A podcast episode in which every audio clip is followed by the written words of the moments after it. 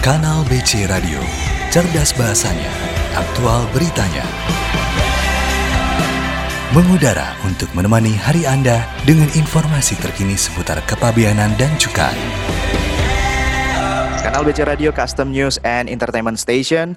Sahabat BC kembali lagi dalam program Insight. Kali ini masih dalam uh, suasana wabah pandemi COVID-19. Nah, sahabat BC, wabah ini memberikan sebagaimana yang kita tahu dampak yang luar biasa di negara-negara di dunia. Begitu pula dari sisi ekonomi. Bahkan Departemen Urusan Ekonomi dan Sosial PBB mengatakan ekonomi global dapat menyusut sampai dengan satu persen di tahun 2020 dan dapat berkontraksi lebih jauh lagi. Khusus di Indonesia, Menteri Keuangan Sri Mulyani memperkirakan bahwa pertumbuhan ekonomi akan turun ke angka 2,3 persen. Berbagai cara dilakukan oleh pemerintah untuk mengatasi atau setidaknya mengurangi dampak di berbagai sektor. Selain itu yang tidak kalah penting dan menjadi fokus pemerintah saat ini adalah bidang kesehatan.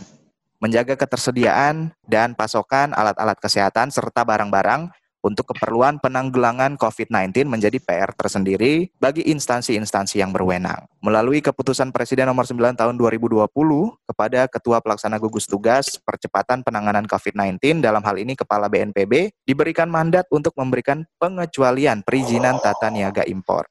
Menindaklanjuti hal tersebut, Bea Cukai bersama BNPB telah menyusun SOP bersama sekaligus bersinergi dengan LNSW, Kementerian Kesehatan, dan BPOM untuk memberikan fasilitas dan kemudahan guna percepatan impor barang untuk tujuan penanggulangan COVID-19 yang juga menjadi tema siaran kita kali ini. Telah terhubung dengan saya melalui aplikasi telekonferensi yang pertama adalah Direktur Teknis Kepabeanan Bea Cukai Bapak Fajar Doni. Selamat pagi Pak Fajar Doni. Selamat pagi Mas Tegar dan uh, selamat pagi para pendengar kanal BC Radio yang saya banggakan. Siap. Kemudian uh, narasumber yang kedua adalah Direktur Penjaminan Mutu Lembaga Nasional Single Window Bapak Irham Habib. Selamat pagi Pak Irham. Selamat pagi Mas Tegar. Selamat pagi juga para pendengar kanal BC yang berbahagia. Mudah-mudahan sehat semua pada hari ini. Amin. Kemudian narasumber selanjutnya dari BNPB adalah Direktur Optimasi Jaringan Logistik dan Peralatan Bapak Ibnu Asur. Selamat pagi Pak Ibnu. Selamat pagi Mas Tegar dan Bapak Ibu pendengar semua. Dari LNSW juga di sini ada Bapak Wahyu Prasetya Utomo yang mendampingi Bapak Irham.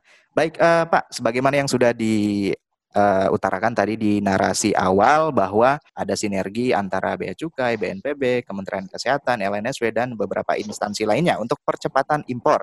Nah, di sini mungkin uh, yang pertama saya ke Pak Fajar Doni. Nah, Pak, di sini kan tadi uh, diberikan bahwa pemerintah memberikan pengecualian perizinan tata niaga impor. Nah, pengecualian ini seperti apa Pak yang dimaksud oleh pemerintah Pak? Baik, uh, terima kasih Mas Tegar uh, dan para pendengar kanal BJ Radio yang saya hormati dan saya banggakan. Uh, sebelum saya menjawab pertanyaan dari Mas Tegar, perlu saya sampaikan uh, kondisi yang ada uh, dan sedang kita hadapi bersama bahwa pandemi COVID-19 ini merupakan ancaman yang menimbulkan korban jiwa dan kerugian material yang besar yang berimplikasi pada aspek sosial, ekonomi, dan kesejahteraan masyarakat. Di samping itu, bahwa kita tahu bahwa terdapat kekurangan barang-barang yang diperlukan di dalam penanganan pandemi COVID-19 di dalam negeri ini. Oleh karena itu, maka pemerintah perlu melakukan upaya bagaimana menutupi kekurangan barang yang diperlukan itu antara lain dengan melakukan pemusukan barang uh, impor. Uh, Mas Tegar dan para pendengar dapat kami sampaikan bahwa skema yang uh, ada di uh, terkait dengan pemasukan barang impor ini dapat kita bagi dalam dua cara, yaitu ya. impor yang di, uh, dilakukan secara langsung dari luar negeri, bisa melalui impor lewat kargo, baik laut maupun udara, impor barang kiriman dan juga barang penumpang. Di samping itu juga bisa uh, dilakukan dengan cara pengeluaran dari perusahaan di dalam negeri yang mendapatkan fasilitas kepabeanan. Kita tahu fasilitas uh, ada uh, bentuknya pusat logistik berikat, kawasan berikat, gudang berikat, IT uh, dan juga uh, dimungkinkan juga dari uh, kawasan bebas. Untuk menutup kekurangan barang itu, maka pemerintah melakukan uh, beberapa uh, pemberian uh, fasilitas, harapannya ini bisa dilakukan pemasukannya secara cepat. kita tahu bahwa pemasukan pengeluaran pemasukan dan pengeluaran barang impor ini harus memenuhi kewajiban pabean. Salah satunya harus dengan mengajukan pemberitaan pabean impor. Kita tahu bahwa tadi kami sampaikan bagaimana skema pemasukannya. Uh, kalau impor langsung dari luar negeri, maka bisa melalui impor umum via kargo, harus menggunakan uh, PIB atau PIBK. Kemudian kalau impor barang kiriman, itu bisa menggunakan uh, CN, consignment note. Ini uh, kalau harganya di bawah 500 US dollar. Tetapi kalau di atas uh, 500 US dollar bisa menggunakan pemberitahuan impor barang khusus. Begitu juga uh, kalau diimpor melalui barang bawaan penumpang, ini yang selama ini kita menggunakan custom declaration, untuk yang di bawah 500 US dollar, jika di atas 500 dolar bisa menggunakan uh, eh, PIBK. Uh, inilah yang uh, bentuk-bentuk bagaimana kita memberikan percepatan. Uh, kita tahu uh, fasilitas yang diberikan oleh pemerintah uh, bahwa uh, Menteri Keuangan telah mengeluarkan uh, PMK 34 tahun 2020, di mana di situ diberikan fasilitas fiskal yaitu pembebasan biaya masuk. Jadi baik pembebasan biaya masuk, tidak dipungut PPN atau PPN, PPN, BBM, dan juga pembebasan PPH pasal 22. Di samping itu, ini yang terkait dengan pertanyaan disampaikan oleh Mas Tegar, yaitu ada yang kita sebut dengan pemberian, pemberian fasilitas non-fiskal.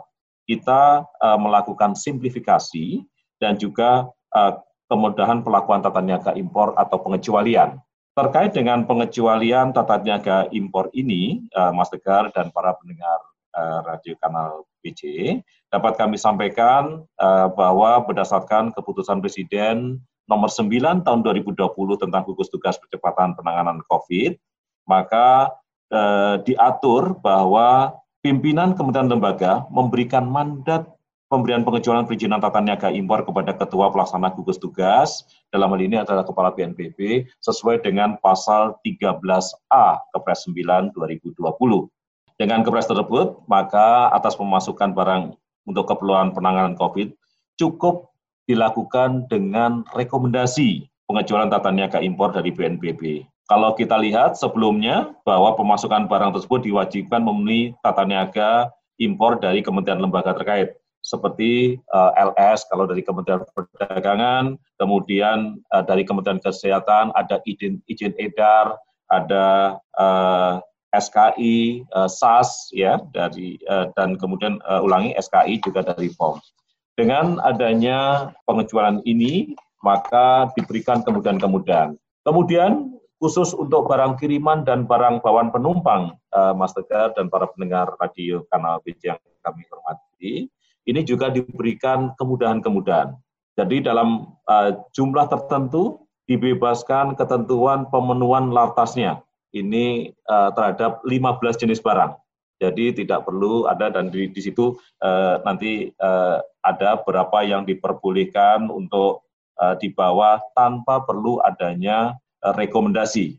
Jadi barang-barang uh, itulah yang yang bisa uh, dilakukan percepatan untuk uh, pemasukannya. Demikian. Berarti uh, pengecualian tadi dalam hal perizinannya karena termasuk fasilitas non fiskal untuk kurang lebih 15 barang ya tadi Pak Fajar Dunia. Uh, untuk tanpa perlu adanya uh, ini untuk ini untuk khusus barang kiriman dan barang penumpang. Tetapi yang mendapatkan pembebasan hmm. itu terhadap 73 jenis barang.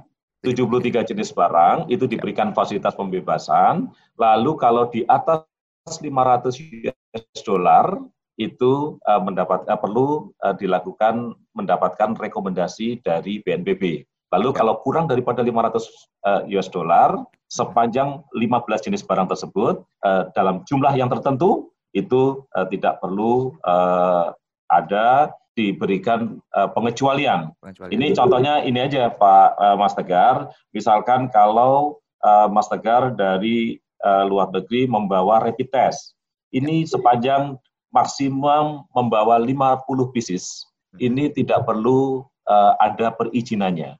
Kemudian kalau misalkan membawa masker, masker uh, kurang daripada 500 pieces, itu uh, tidak perlu uh, ada perizinannya. Uh, ada ya? izin uh, tata niaga impornya. Demikian. Nah, uh, pengajuan rekomendasi kalau uh, untuk barang-barang yang butuh uh, perizinan tata niaga impor itu kan melalui sistem INSW.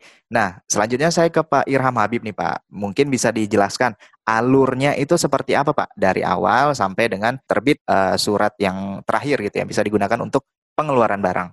Terima kasih Mas Tegar dan uh, para pendengar uh, Radio Kanal BC yang Eh, saya hormati. Dan terkait dengan aplikasi yang kita siapkan untuk pengajuan rekomendasi baik itu rekomendasi eh, pengecualian izin impor atau izin impor eh, terkait dengan tata niaga maupun untuk rekomendasi pe, untuk mendapatkan fasilitas pembebasan biaya masuk. Tadi yang sudah panjang lebar disampaikan oleh Pak Doni eh, desainnya kita buat sesimpel mungkin. Jadi memang memang uh, kami uh, dulu waktu, pada saat diskusi dengan teman baik dengan Bea Cukai, dengan teman BNP, BNPB dan juga dengan uh, yang lain itu kita uh, desainnya adalah memang kita desain terbuka, agak lebih terbuka, kita buat uh, semudah mungkin sehingga karena ini kan bukan bukan kondisi yang umum atau yang biasa, nah, importasi yang seperti biasa. Tadi mungkin sudah dijelaskan juga sehingga nanti eh, apa namanya ini tentunya kami tidak sempat untuk memberikan edukasi terlalu banyak kepada pengguna jasa karena juga banyak yang dari yayasan, perorangan dan juga dari instansi pemerintah juga sehingga kita desain semudah mungkin. Bahkan kalau kita lihat di websitenya itu pun tanpa harus login ya macam-macam daftar dan sebagainya. Itu yang pertama. Jadi secara alur uh, alur proses bisnisnya itu uh, cukup mudah atau bahkan sangat mudah saya katakan bahwa uh, pengajuannya hanya menyampaikan uh, apa uh, identitas tentunya ya identitas. Bahkan kalau identitas ini menggunakan NPWP sudah kita berikan kemudahan.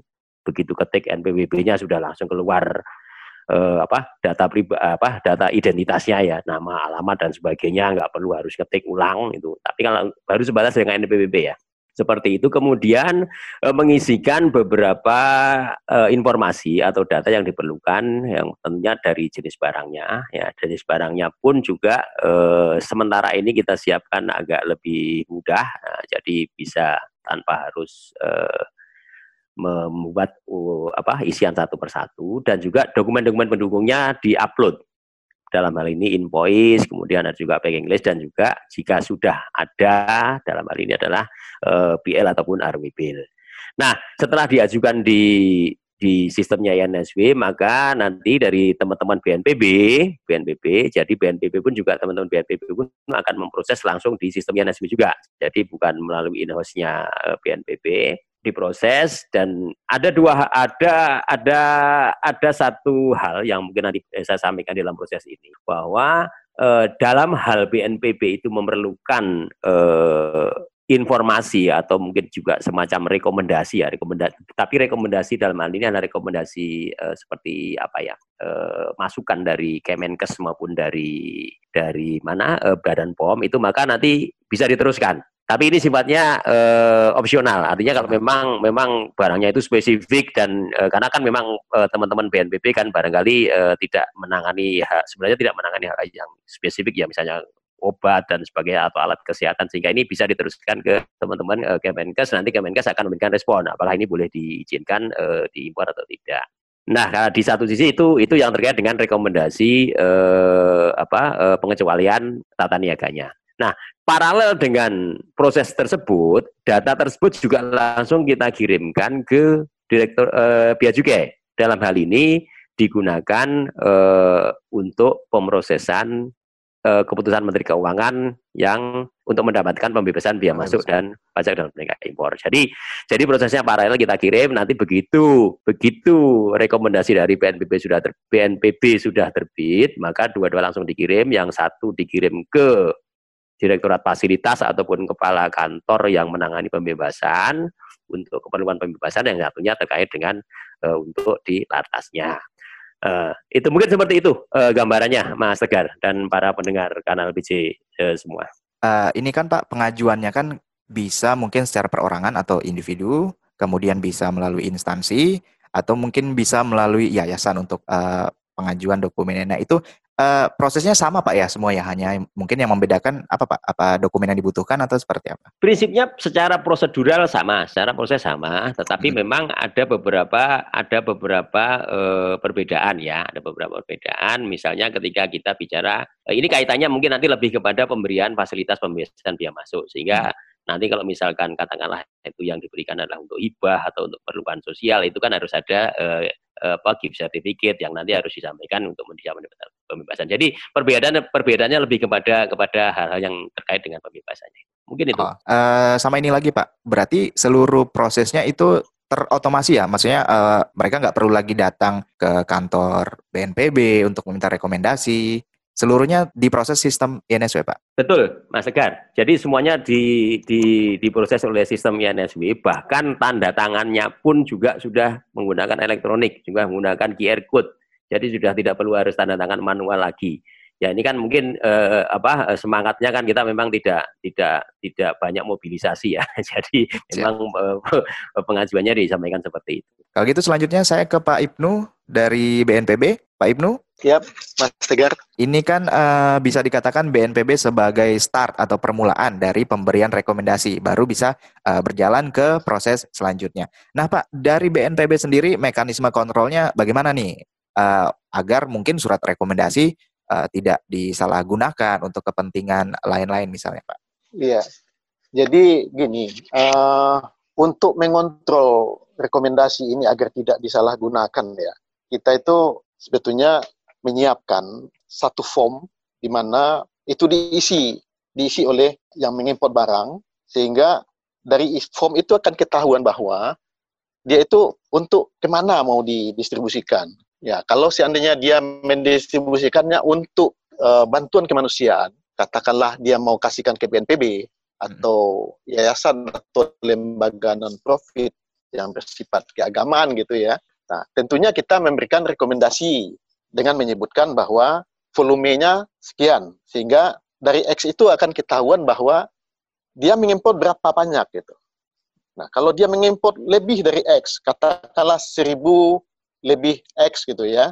Nah, uh, volumenya. Kemudian yang diserahkan tuh hanya 100 gitu ya. Ya. Nah, hanya 900 ini tentunya uh, untuk apa? Berikan rekomendasi tentunya semuanya. Tapi dengan catatan, yang bebas BC itu adalah yang mereka perbantukan untuk bantuan kemanusiaan. Untuk mengontrolnya ada uh, pengimpor itu paling utama, ya paling utama karena kita nggak mungkin langsung pada saat kondisi ini membuktikan bahwa dia itu benar nggak uh, yang 900 tadi itu untuk dia sepanjang dia uh, kita anggap jujur dulu, ya hmm. kita anggap jujur dulu, oke okay lah dia mau me, uh, memberi uh, mengimpor semuanya untuk keperluan uh, bantuan kemanusiaan. Padahal di Bali itu dia bisa jadi berkhianat gitu ya. ya. Berkhianat di apa namanya dengan mengatasnamakan bantuan kemudian dia kejualbelikan. Nah, ini dua tahun setelah pasca pandemik ini, tentunya uh, negara tidak akan tinggal diam. Tentunya akan dilakukan post audit.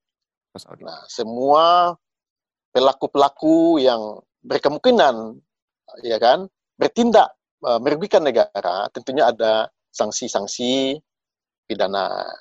Mungkin begitu. Berarti uh, dengan kata lain bisa dibilang kalau mekanisme kontrolnya justru ada di belakang, Pak ya? Karena nggak ya. mungkin juga dihambat. Nggak uh, mungkin sekarang ini kita kan. Ya. ya. ya. Kalau gitu selanjutnya Pak, uh, komoditi atau barang-barang yang masuk dalam rekomendasi BNPB itu misalnya ada berapa barang, barang apa aja Pak sebagai contoh? Ya, jadi sampai saat ini komoditi yang bisa direkomendasi tentunya ada hubungan dengan penanganan COVID ini. Ya. Nah, katakanlah penanganan COVID ini yang diimpor itu uh, semacam bantuan APD gitu ya, alat ya. Uh, pelindung diri. Nah, kemudian masker gitu kan. Di samping itu juga ada alat uji, alat uji COVID. Alat uji ini baik berupa rapid test maupun swab test. Hmm. Nah, tentunya Uh, ini yang paling banyak. Kemudian ada juga yang untuk mendukung uh, penderita dengan alat pernapasan, ventilator ya. ya. Nah, kemudian di samping itu ya bantuan-bantuan kemanusiaan yang uh, alat-alat kesehatan uh, seperti obat-obatan tentunya itu uh, masuk kepada uh, yang kita perbolehkan. Tapi secara detail uh, yang paling banyak itu adalah uh, alat tes itu yang menjadi anu karena uh, alat tes itu sekarang lagi jadi rebutan di dunia gitu ya. Siap. Dan itu memang sangat dibutuhkan untuk uh, bagaimana kita ke depan bisa dengan alat tes itu uh, membuat seseorang itu bisa kita ketahui dengan cepat menderita positif apa enggak. Nah, dengan dengan kondisi ini ya tentunya alat tes ini sangat dibutuhkan. Nah, jadi alat-alat seperti itu yang uh, kita rekomendasikan untuk anu. Tapi tidak tidak tertutup kemungkinan untuk alat-alat yang sifatnya kesehatan uh, yang uh, apa namanya obat-obatan gitu ya. Tapi itu uh, mungkin Kemenkes yang paling tahu yang yang mana saja itu sudah ada peraturan yang disebutkan di dalam Kemenkes itu. Ya, berarti intinya barang yang diberikan rekomendasi BNPB adalah alat kesehatan walaupun tidak semua, khususnya yang yeah. yang berkaitan langsung untuk penanggulangan COVID-19 ini. Baik, yeah. uh, selanjutnya saya ke Pak Fajar Doni terkait dengan pengecualian perizinan ini, kira-kira pihak mana aja Pak yang berhak untuk mendapatkan ini atau adakah pihak-pihak yang dikecualikan? Uh, baik, makasih Mas Tegar. Jadi yang berhak mendapatkan pengecualian perizinan ini adalah siapa saja, termasuk dalam hal ini pemerintah pusat, pemerintah daerah, orang perseorangan, badan hukum, dan non-badan hukum. Jadi siapa pun boleh mendapatkan pengecualian perizinan.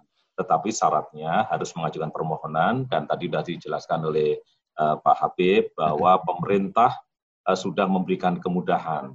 Tidak perlu tatap muka dilakukan secara online ini kerjasama yang luar biasa antara kami di Direktorat Jenderal Bea Cukai, kemudian di LNSW, Lembaga Nasional Single Window, dan juga eh, BNPB.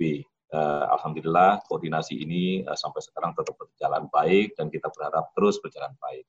Mungkin Siap. kalau boleh Mas Tegar, tadi ada uh, ditanyakan ke Pak Ibnu terkait dengan jenis barang tadi. Mungkin Siap. saya boleh sedikit memberikan tambahan informasi barangkali. Silakan Pak Fajar Doni. Uh, jadi gini, bahwa uh, World Custom Organization itu sudah mengeluarkan eh, barang-barang yang terkait dengan penanganan COVID-19. Di sini uh, referensinya itu ada 42 HS code, tetapi di dalam 6 digit bentuknya. Uh, setelah itu kami di Direktorat Teknis Kepabianan akhirnya melakukan penambahan berdasarkan 6 digit HSK tadi dan kemudian kita sesuaikan dengan uh, BTKI 2017 ini buku tarif kepabianan Indonesia sehingga uh, keluar uh, angkanya adalah uh, 92.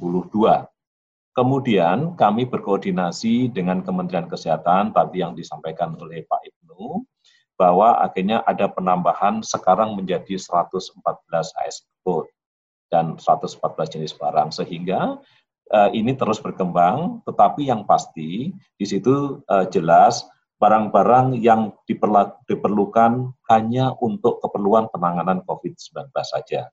Mungkin itu sebagai tambahan informasi. Terima kasih. Siap. Uh, apakah dari Pak Fajar Doni dari referensi dari WCO itu semuanya diambil diadopsi oleh Bea Cukai Indonesia atau mungkin hanya sebagian saja atau seperti apa Pak? Uh, kalau kita lihat uh, memang uh, kita mengambil semua tadi disampaikan oleh uh, Pak Ibnu antara masalah uh, test kit, uh, kemudian juga terkait dengan protective garment and the like kan gitu, juga termasuk termometer, kemudian disinfektan, uh, sterilization product. Itu sudah kita sampaikan, termasuk juga uh, di sini uh, yang uh, kita uh, uh, berikan pembebasan, pemberian pengejualan itu juga terkait dengan jenis-jenis barang tadi. Jadi uh, secara umum itu kita bagi dalam kategori hand sanitizer dan produk mengandung disinfektan, kemudian test kit dan reagen laboratorium, kemudian virus transfer media, obat vitamin, peralatan medis, dan alat pelindung diri. Demikian. Baik, uh, kalau gitu sahabat BC, kita akan uh, melanjutkan obrolan kita di siaran Insight kali ini. Tapi sebelum itu kita break dulu sejenak. Jangan ke mana-mana, stay tune di kanal BC Radio. Kanal BC Radio, cerdas bahasanya, aktual beritanya.